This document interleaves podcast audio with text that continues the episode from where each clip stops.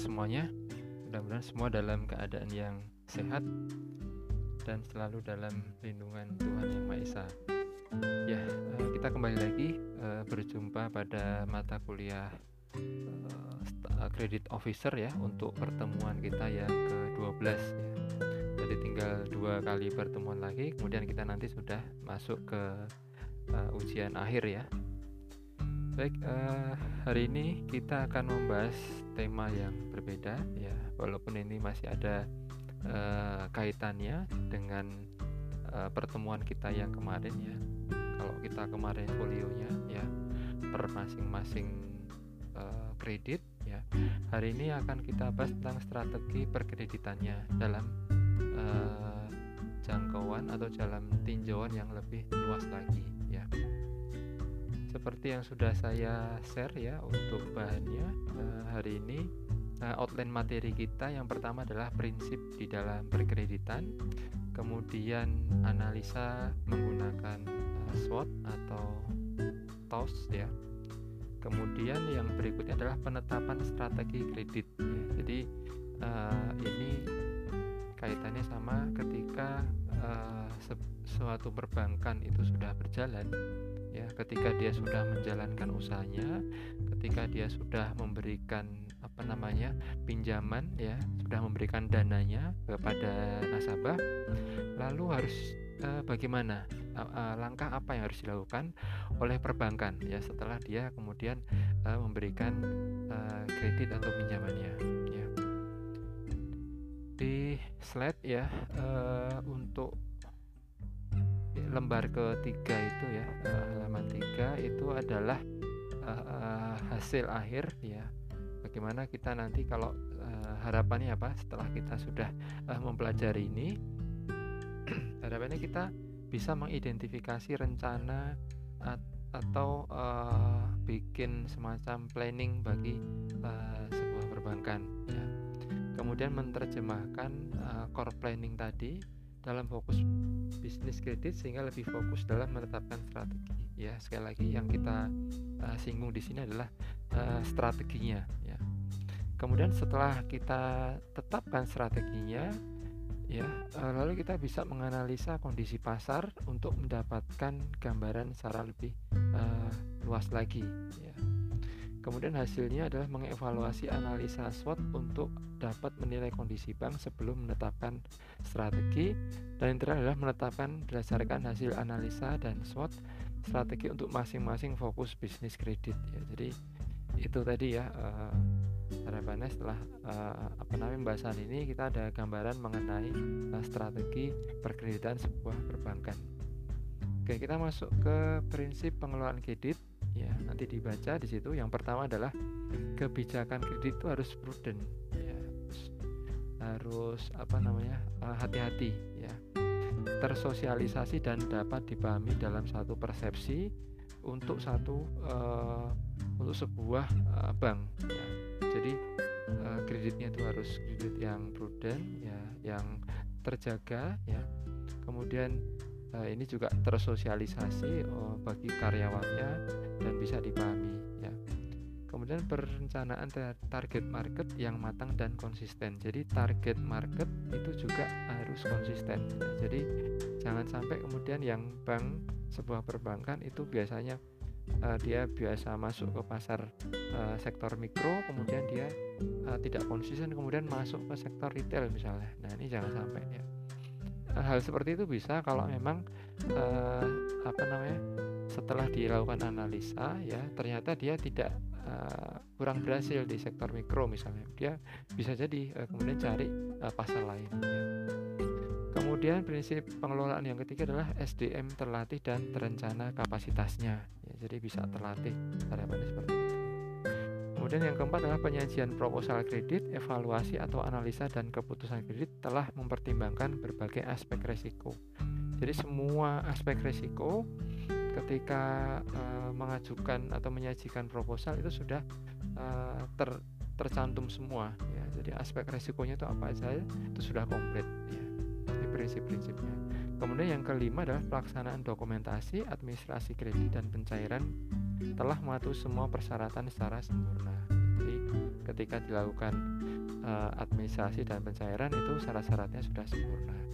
Kemudian perencanaan account management dan yang terakhir adalah supervisi kredit secara berkesinambungan. Jadi harus ada supervisi harus ada eh, langkah-langkah uh, konkret untuk uh, memantau ya, kredit itu secara berkesinambungan. Jadi jangan sampai setelah kredit itu disalurkan kemudian dilepas gitu aja artinya tanpa kontrol atau tanpa pengawasan. Jadi nggak bisa.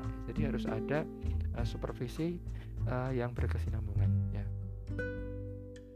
Kemudian berikutnya adalah fungsi account management. Ya nanti bisa dibaca. Di sini adalah memelihara secara profesional suatu account dari sejak kredit itu diinisiasi sampai dengan dibukukan dan sampai lunas ya. Jadi sampai lunas ya. Kata kunci di sini adalah e, dari diinisiasi ya diinisiasi itu artinya ditawarkan kemudian dibukukan pencairan sampai lunas. Kemudian memastikan bahwa term sheet and condition dari kredit yang dibukukan telah dipenuhi atau sudah dipatuhi oleh debitur.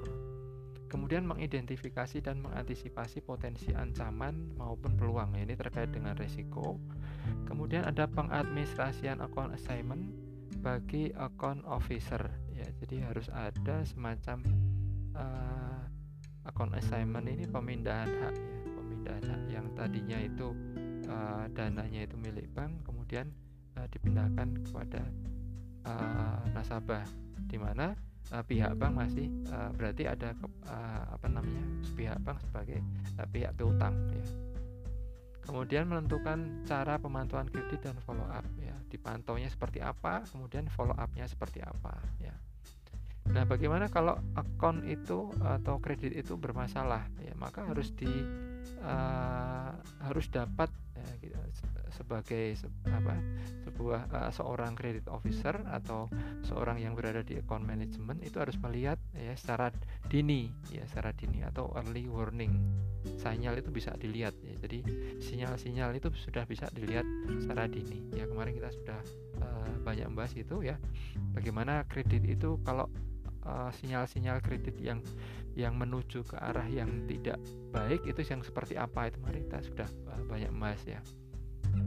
Kemudian klasifikasinya seperti apa? Ya nanti uh, klasifikasi itu terkait, dengan siapa yang harus tanggung jawab ya. Kemudian uh, kolektibilitasnya itu masuk ke mana ya kita juga sudah bahas ya.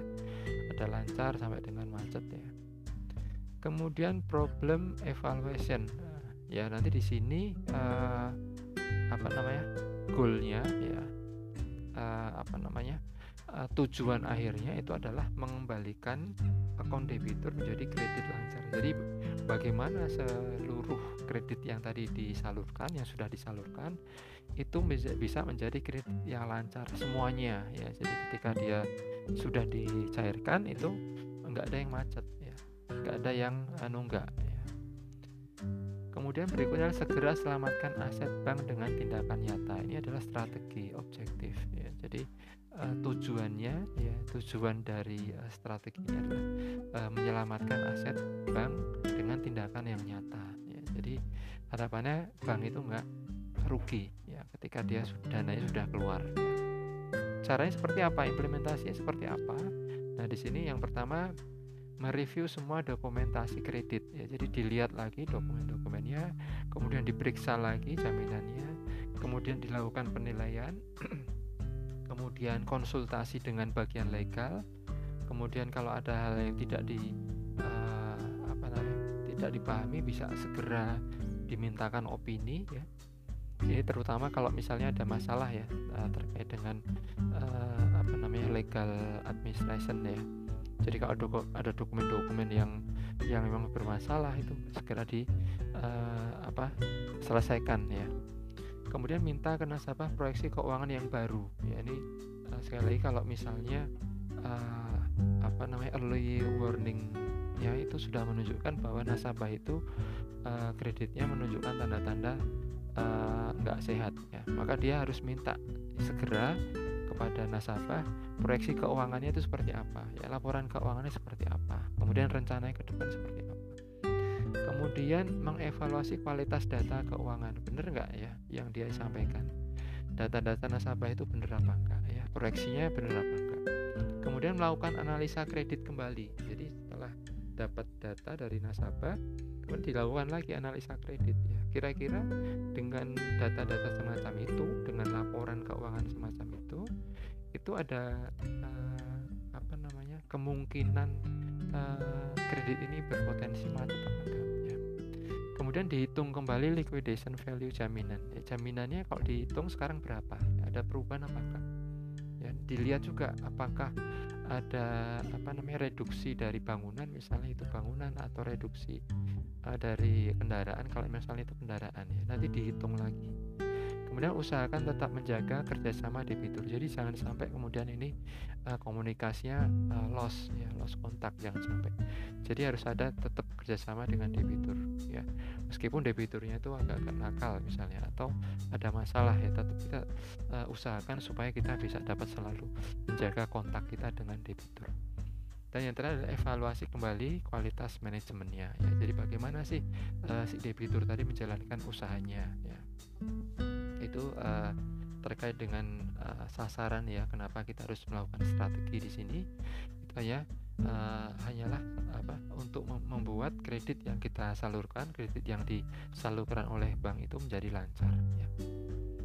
Nah, lalu bagaimana cara menganalisanya ya dengan uh, metode SWOT ya di sini di apa uh, slide ke-9 ini uh, sudah ada ya uh, bagannya ya analisa ya SWOT ya di situ terkait dengan eksternal faktor dan internal faktor ya di situ ada strength, ada weakness, ada opportunity dan ada threat ya.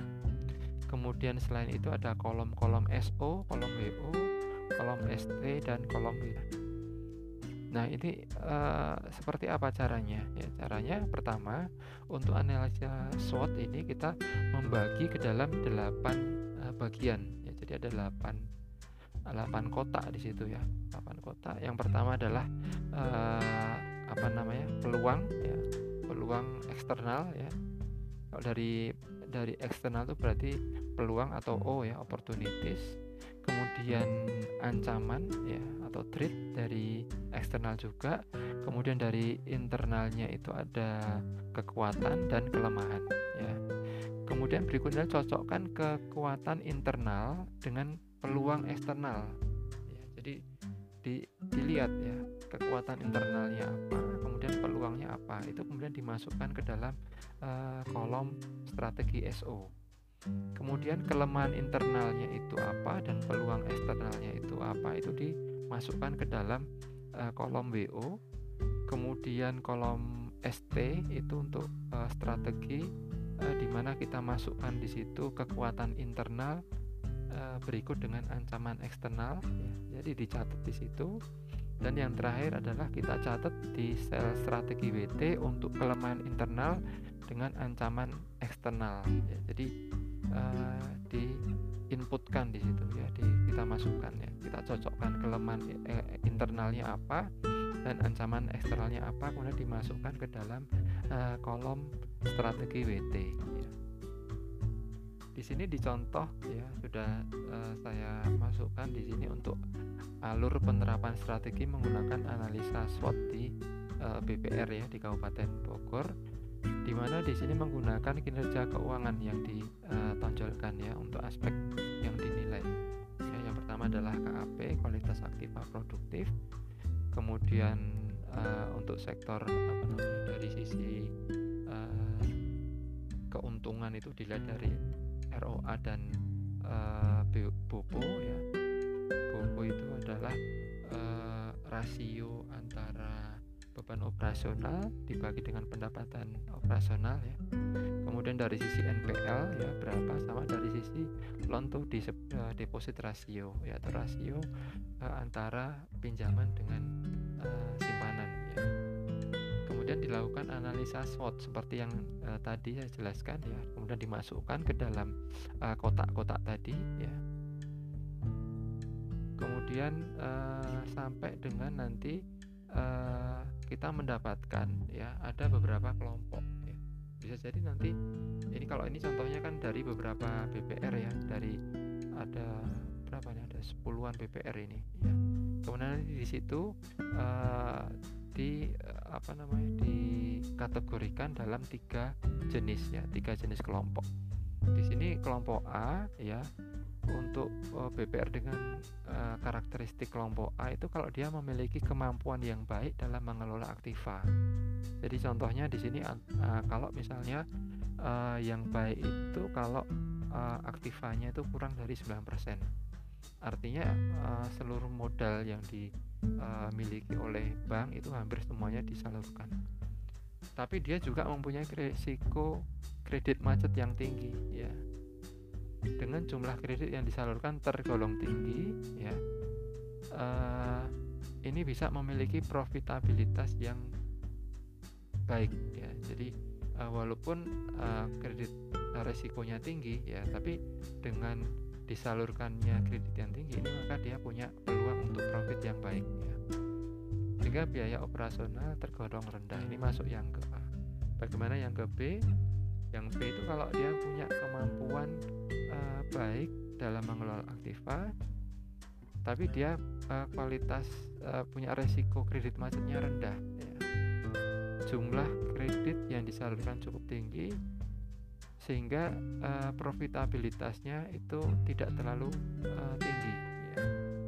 sehingga biaya operasionalnya itu tinggi ya. Jadi nanti dimasukkan ke golongan B itu kalau yang uh, kriteria seperti itu. Kalau C itu kemampuan BPR itu kurang baik dalam mengelola aktiva resiko kredit walaupun kredit risiko kredit macetnya rendah ya. Karena apa? Karena jumlah yang disalurkan itu rendah sehingga dia profitabilitasnya uh, apa namanya baik ya. Jadi kurang baik ini sebenarnya. Uh, relatif kurang baik ya. Tapi biaya operasionalnya tergolong rendah. Kriteria-kriteria yang kemudian dimasukkan dalam uh, tiga jenis yang itu dihitung dari apa namanya uh, analisa kinerja keuangan. Lalu bagaimana strateginya uh, penetapan strateginya? Kalau sudah diketahui seperti itu maka dimasukkan saja nanti untuk penetapan strateginya apa ya. Misalnya untuk BPRA BPRA itu kalau pertumbuhan ekonominya itu meningkat uh, pengangguran di kabupaten tersebut itu turun ya itu opportunity-nya kemudian threat-nya itu persaingan dengan bank umum tidak sehat dan inflasi berfluktuasi, uh, berfluktuasi ya maka strateginya adalah dengan meningkatkan fasilitas dalam penyaluran kredit di masyarakat ya. kemudian strategi uh, strength dan opportunity-nya adalah pengembangan pasar kemudian kalau NPL-nya tinggi ya resikonya tinggi maka strateginya adalah menerapkan sistem kredit yang lebih uh, rigid lagi ya. Atau dengan berkelompok tanggung renteng ya, jadi uh, di pemberian kredit itu secara berkelompok ya. Jadi tidak orang per orang tapi secara berkelompok. Nanti kalau ada satu orang di dalam satu kelompok itu tidak bayar maka seluruh kelompok itu akan berikut juga nanti untuk BPR kelompok B dan BPR kelompok C ya saja uh, sebagai pembuka sebagai awalan silahkan kalau ada pertanyaan ataupun diskusi